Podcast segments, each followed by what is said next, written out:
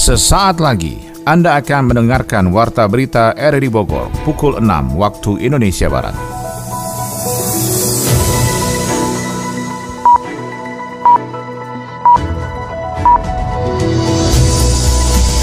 Selamat pagi dan salam jumpa. Kembali kami hadir dalam Warta Berita edisi hari ini, Kamis 24 Agustus 2023. Siaran kami bisa Anda dengarkan lewat audio streaming di RRD Play dan bisa Anda dengarkan juga di audio on demand di Spotify, Anchor, Portal, dan Google Podcast. Berita utama pagi ini adalah Sejumlah wilayah di Kabupaten Bogor, Jawa Barat masuk kategori tinggi polusi udara Polresta Bogor Kota menangkap selebgram masalah Kota Bogor berinisial SZM yang mempromosikan situs judi online. Pihak yang tanpa hak mentransmisikan menyebabkan mudahnya diakses ya informasi elektronik yang bermuatan perjudian. Saya Maulana Isnarto, inilah Warta Berita selengkapnya.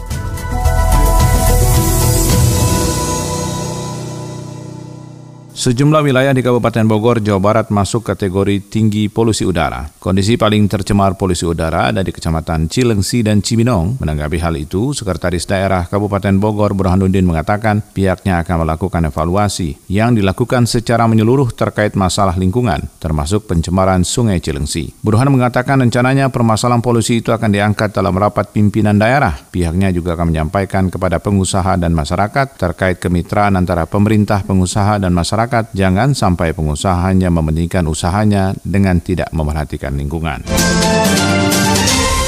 Sementara itu, sebagai langkah untuk membuat alam menjadi kembali lestari, jajaran Polres Bogor menanam ribuan pohon di wilayah Kabupaten Bogor, Jawa Barat. Kapolres Bogor AKBP Rio Wahyu Anggoro kepada wartawan di Cibinong mengatakan penanaman pohon dilakukan di lahan-lahan yang tidak digunakan dan pihaknya merasa senang karena pemerintah membolehkan lahan itu ditanami pohon. Kapolres Bogor AKBP Rio Wahyu Anggoro juga mengatakan penanaman 8.000 pohon di lahan tidur Kabupaten Bogor dilakukan membuat udara semakin bersih. Menurutnya jumlah tersebut merupakan yang terbanyak di jajaran Polda Jawa Barat.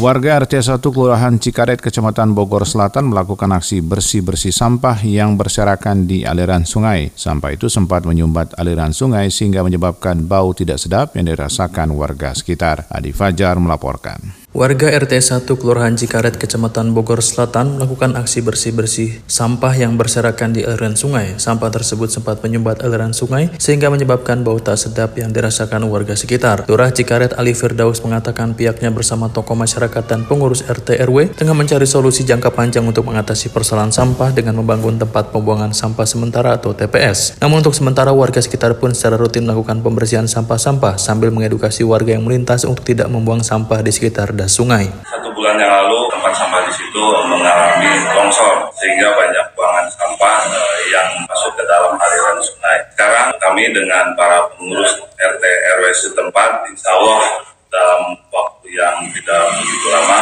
akan membangun kembali tempat sampah itu. Hal-hal yang berkenaan dengan kaitan dengan persampahan yang ada di kali, kita seperti biasanya seminggu sekali akan melaksanakan kerja bakti. Kita di wilayah Tikaret pun tidak memiliki tempat pembuangan sampah sementara sehingga sangat urgen untuk pembangunan tempat sampah di wilayah tersebut. Yani warga sekitar pun mengungkapkan bahwa banyak masyarakat luar yang juga kerap membuang sampah di kawasan tersebut. Alhasil volume sampah pun terus menumpuk yang menyebabkan pencemaran lingkungan. Baunya aja gitu. Tahu kalau saya sih nggak cuma tahu. Teman ibu juga kan mau pindah juga belum dapat tempat lagi, tempat jualan gitu. Iya, suka lihat ada yang motor gitu. Atau ya orang mana orang mana nggak tahu ya. Aparat wilayah setempat pun telah memasang spanduk imbauan dan menempatkan personil lapangan untuk mencegah adanya masyarakat yang membuang sampah sembarangan.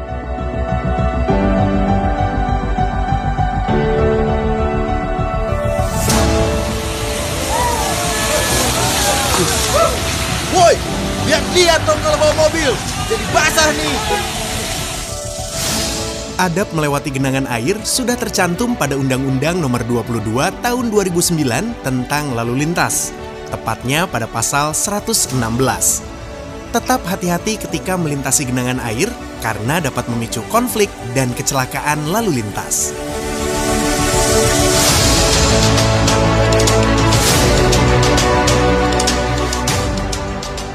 Polresta Bogor Kota menangkap selebgram asal Kota Bogor berinisial EZM yang mempromosikan situs judi online. Sony Agung melaporkan. Polresta Bogor Kota menangkap selebgram asal Kota Bogor SJM yang mempromosikan situs judi online. Berdasarkan catatan Polresta Bogor Kota menangkap selebgram cantik asal Kota Bogor yang memiliki follower 81 ribu itu telah 7 bulan mempromosikan situs judi online dengan bayaran 7 juta per bulan. Kapolresta Bogor Kota Kombes Pol Bismo Teguh Prakoso mengungkapkan berhasil menangkap dan mengungkap selebgram asal Kota atas tindak pidana mempromosikan situs judi online. Hal itu berawal dari adanya laporan masyarakat tentang dugaan tindak pidana perjudian slot online yang berada di wilayah Kota Bogor. Selanjutnya, tim cyber menindaklanjuti temuan akun IG Ara Mudrikah yang di instastorynya. Kemudian dilakukan upaya penegakan hukum terhadap selebgram Ara Mudrikah yang diketahui bernama SJM di sebuah kafe kawasan Babakan Bogor Tengah, Kota Bogor. Mempromosikan link yang bermuatan perjudian online. Ini tentu melanggar Undang-Undang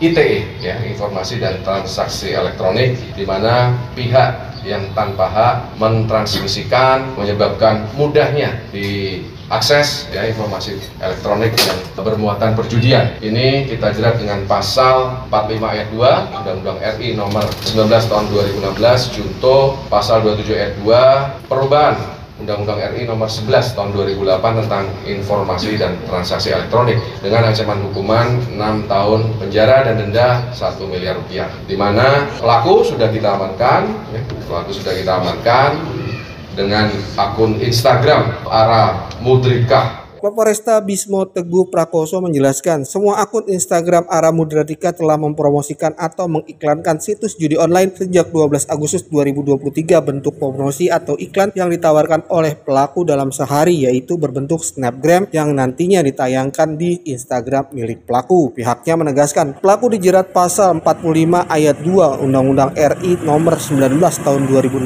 pasal 27 ayat 2 perubahan atas Undang-Undang RI nomor 11 tahun 2000 tentang informasi transaksi elektronik. Di akun Instagramnya juga yang bersangkutan pelaku tersebut mencantumkan ya, situs judi online, ya, kemudian link ya, dengan klik heylink.me dan situ ada WA akun official untuk melaksanakan perjudian online. Nah dari si tersangka ini dia direkrut oleh pelaku yang lain, ya pelaku yang lain yang sudah kita kantongin namanya sudah kita kantongi identitasnya. Dan pelaku yang kita amankan ini orang wanita dia memiliki follower di dalam akun Instagramnya sebanyak 81 ribu. Nah ini dia sudah bekerja sama sebagai brand ambassador dari situs judi online tersebut. Ini dengan kontrak sebesar 7 juta per bulan dan sudah dilakukan selama 7 bulan yang lalu hingga saat ini tertangkap. Hingga saat ini polisi masih memburu pelaku lainnya yang sudah masuk daftar pencarian orang dari judi online yang beroperasi di Kota Bogor. Pemerintah Kabupaten Bogor menyayangkan sikap dari PT PN 8 dan PT Jaswita selaku BUMD Provinsi Jawa Barat selaku penerima kerja sama operasional yang melewati PMK Bogor dalam rencana penataan kawasan eks perkebunan teh di Gunung Mas di Sarua, Kabupaten Bogor. Yofri Haryadi melaporkan. Proses perataan lahan di areal eks perkebunan teh di Blok C5 oleh PT PN 8 Gunung Mas Cisarua, Kabupaten Bogor masih berlangsung. Tanaman teh yang tumbuh di atas puluhan hektar lahan itu pun perizinannya dilakukan terpusat melalui aplikasi online Single Submission OSS yang dampaknya adalah pemerintah Kabupaten Bogor terlebih masyarakat mempertanyakan rencana berikutnya pasca lahan tersebut diover alih kepada pihak berikutnya. Terkait hal tersebut, Kabit Data dan Pengendalian Perizinan Dinas Penanaman Modal dan Pelayanan Terpadu Satu Pintu Kabupaten Bogor, Ruslan menyayangkan sikap dari PT PN 8 dan PT Jaswita selaku BUMD Provinsi Jawa Barat yang juga penerima KSO yang melewati Pemkap Bogor dalam rencana penataan kawasan di wilayah tersebut. Provinsi kan tadinya sama dulu kan bintang dua itu. Jadi kontrakan itu dimanfaatkan lah. Sekarang diambil provinsi provinsi maksudnya bu ada itu. Nanti dikasih jalur hijau gitu. nah sekarang kan satpol pp juga kan akan menertibkan semua yang di situ akan dimasukkan ke rest area. Nah sekarang malah ngebangun provinsi. Ya itu kan udah udah salah kaprah. Oh kalau dia juga harus sesuaikan lah apalagi kan perumda ya perusahaan daerah. Dia harus memberikan contoh terbaik. Sekarang PTPN yang ngajukan PTPN harusnya. Karena dia MOU mah MOU apa? Alasnya. MOU terbatas dengan waktu kan. Berapa tahun dia kontak di situ kan gitu. Tapi kalau pemilik apakah masih memadai KDB-nya di situ? PTP mau udah barbar main. Mantan Kabit Dalop Pol PP Kabupaten Bogor itu pun mengungkapkan tercerabutnya pohon teh yang lokasinya tidak jauh dari res area Gunung Mas justru akan mengundang PKL masuk ke dalam lahan bekas perkebunan teh dan menimbulkan permasalahan baru di kemudian hari. Sementara warga Ciberem, Cisarua, Puncak Bogor, Bram Mulyana mendesak kepada pengelola perkebunan untuk menjadikan bekas lahan perkebunan teh menjadi bagian dalam program penghijauan dengan tanaman yang memiliki resapan air tinggi dan menjaga erosi tanah. Pemerintah juga terutama ini harus ada perhatian khusus. Mau ya jangan kemudian mudah sekali ini gitu kan. Bak kacang goreng gitu dijual murah KSO atas nama KSO diobral gitu. Kami sebagai warga masyarakat sebetulnya sedang mengumpulkan data dan bahan itu. Ya, tidak tertutup kemungkinan juga kami siap menggugat itu. Dari informasi, lokasi itu pun rencananya akan dijadikan pengembangan kebun stroberi karena hasil pendapatan dari perkebunan teh tidak cukup untuk biaya operasional perusahaan perkebunan plat merah di Puncak Bogor itu. Pihak PTPN 8 belum memberikan klarifikasi terkait rencana penataan di bekas lahan perkebunan teh di Blok C5 Gunung Mas tersebut. Ketua Pansus Angkutan DPRD Kota Bogor, Edi Darmawangsa, mengungkapkan dari hasil jaring aspirasi dengan sejumlah lisensi seperti Organda, KKSU, dan pengusaha angkutan kota terdapat usulan usia armada mencapai 20 tahun atau masih dalam keadaan laik jalan untuk bisa beroperasi. Sony Agung melaporkan. Pansus DPRD Kota Bogor yang membahas angkutan melakukan sejumlah pembahasan dengan Dinas Perhubungan setempat di ruang rapat paripurna DPRD. Dalam agenda tersebut merupakan lanjutan dari kegiatan yang sudah berlangsung dalam rapat dengar pendapat dengan sejumlah instansi terkait. Ketua Pansus Angkutan DPRD Kota Bogor Edi Darmawansah mengungkapkan, dari hasil jaring aspirasi dengan sejumlah instansi seperti Organda, KKSU, dan pengusaha angkutan kota, maka untuk umur armada terdapat usulan mencapai 20 tahun atau atau masih dalam keadaan laik jalan. Sehingga saat ini standar mutu dalam pengujian KIR di Dinas Perhubungan Kota Bogor masih menjadi yang optimal sehingga semua persyaratan untuk laik jalan dapat terpenuhi melalui uji emisi hingga faktor keselamatan dalam berkendara. Dalam konteks uji coba itu apa namanya? KIR ya. KIR, KIR itu termasuk uji coba polusi emisi kan? Ya, ya Artinya itu yang lebih diakurasi lagi supaya angkot yang beroperasional di Kota Bogor itu betul-betul layak jalan. Jadi ukurannya lebih ditekankan di sana. Kita minta tolong dimaksimalkan masa pakai angkot di Kota Bogor itu 20 tahun.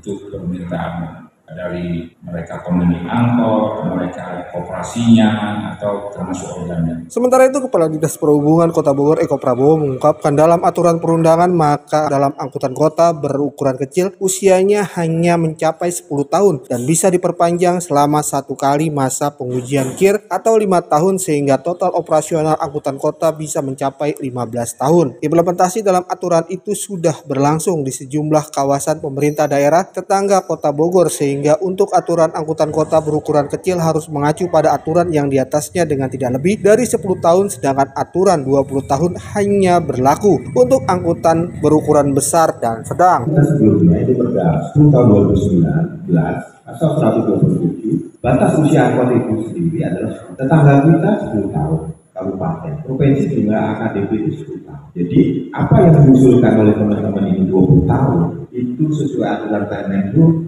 kemudian undang-undang itu yang 20 tahun itu bus besar.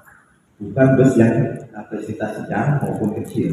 Jadi kalau yang kecil ya 10 tahun. Tapi dengan dinamisasi yang permintaan mereka itu kami sudah bikin surat edaran. Dan mereka paham. Tapi itu diputar terus. Diputar supaya mereka 20 tahun. Benar kata Pak Ketua. Kalau memang nanti bisa ke 20 tahun ya semuanya ada seribu lebih itu nggak bisa kalau kami biarkan itu semua aturan itu haruslah berjalan sesuai dengan konsekuensi implementasi di lapangan sehingga tidak melanggar dalam pembuatan perda yang saat ini sedang dibahas DPRD setempat dengan aturan di atasnya untuk mencapai keselarasan dengan lingkungan pemerintah daerah di sekitar kota Bogor.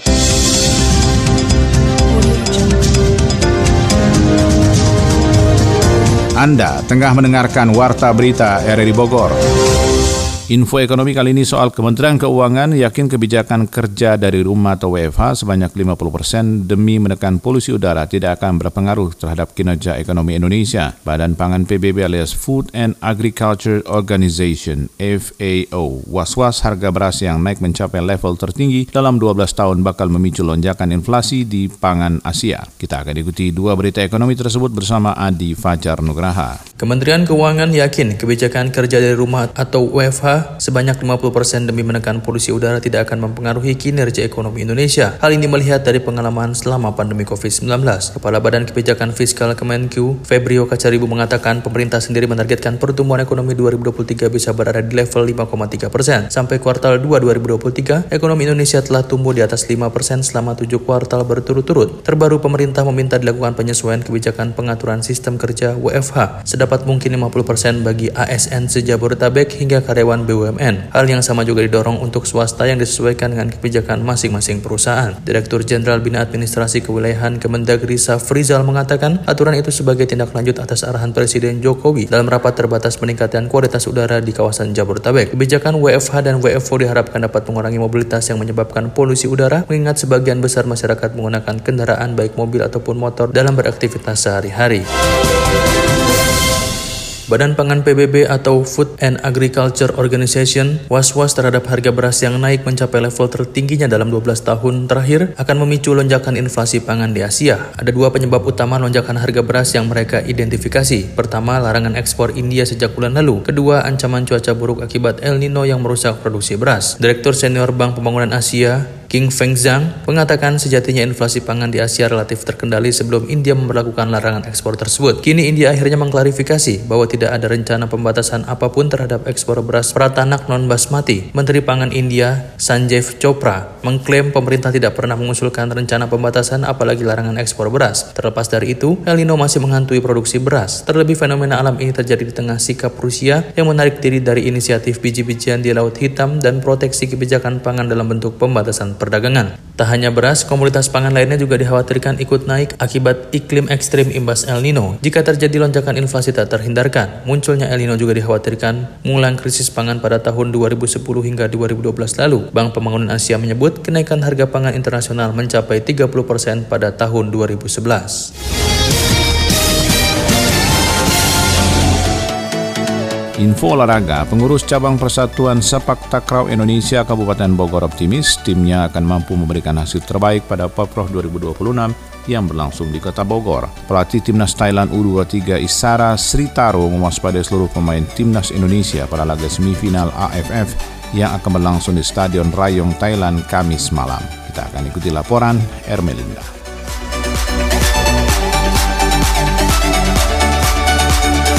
Demi meningkatkan prestasi keolahragaan diperlukan koordinasi sinergitas di antara para pengurusnya mulai dari atas hingga ke level paling bawah. Demikian dikatakan Ketua Pengurus Cabang Persatuan Sepak Takraw Indonesia PSTI Kabupaten Bogor Didi Furkon. Menurutnya walaupun dalam perhelatan Porprov 2022 lalu tim binalnya belum bisa memberikan prestasi terbaiknya, namun dirinya optimis ke depan khususnya dalam menata Porprov 2026 timnya akan mampu memberikan hasil yang terbaik apalagi penyelenggarannya akan dilakukan di Kota Bogor. Dijelaskan Didi saat ini seluruh atlet binaannya merupakan asli atlet Kabupaten Bogor, sehingga dengan pembinaan yang baik tentunya ini menjadi sebuah aset yang luar biasa. Asalkan tadi pembinaan, skill ditambah, suplemennya ada. 2023 kebetulan memang tidak ada event. Di eventnya itu 2023 menatap untuk PON, PON Sumatera Utara sama Aceh. Nah nanti ada event lagi, ini tahun 2026.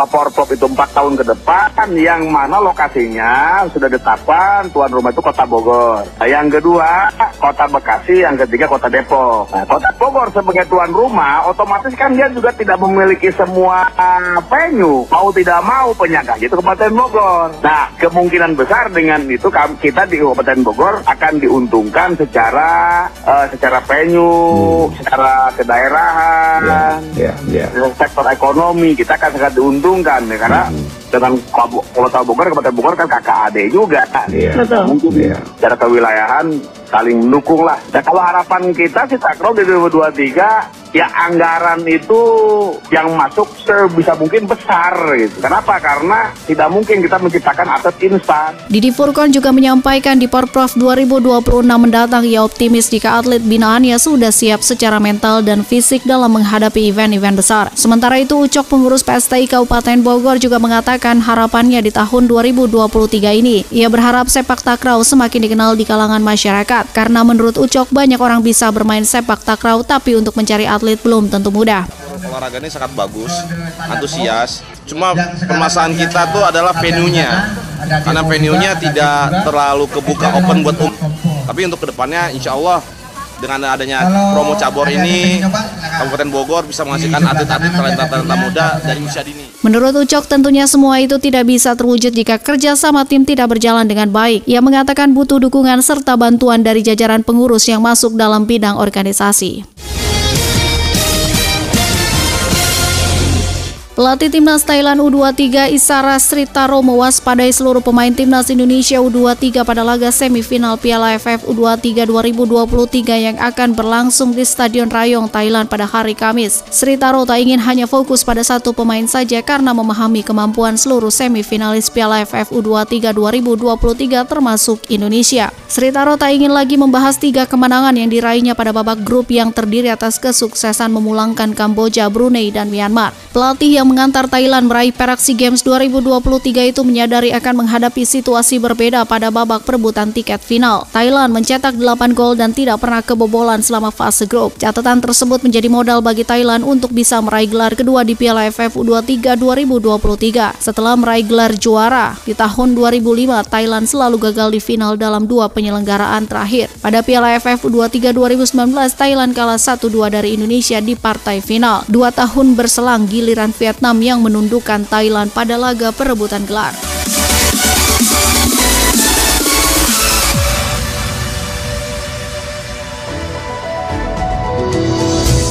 Demikian rangkaian informasi yang kami hadirkan dalam Warta Berita di edisi hari ini. Sebelum berpisah, kami kembali sampaikan berita utama. Sejumlah wilayah di Kabupaten Bogor, Jawa Barat masuk kategori tinggi polusi udara. Polresta Bogor Kota menangkap selebgram masalah Kota Bogor berinisial SZM yang mempromosikan situs judi online. Mewakili kerabat kerja bertugas, saya Maulana Estarto mengucapkan terima kasih. Selamat pagi.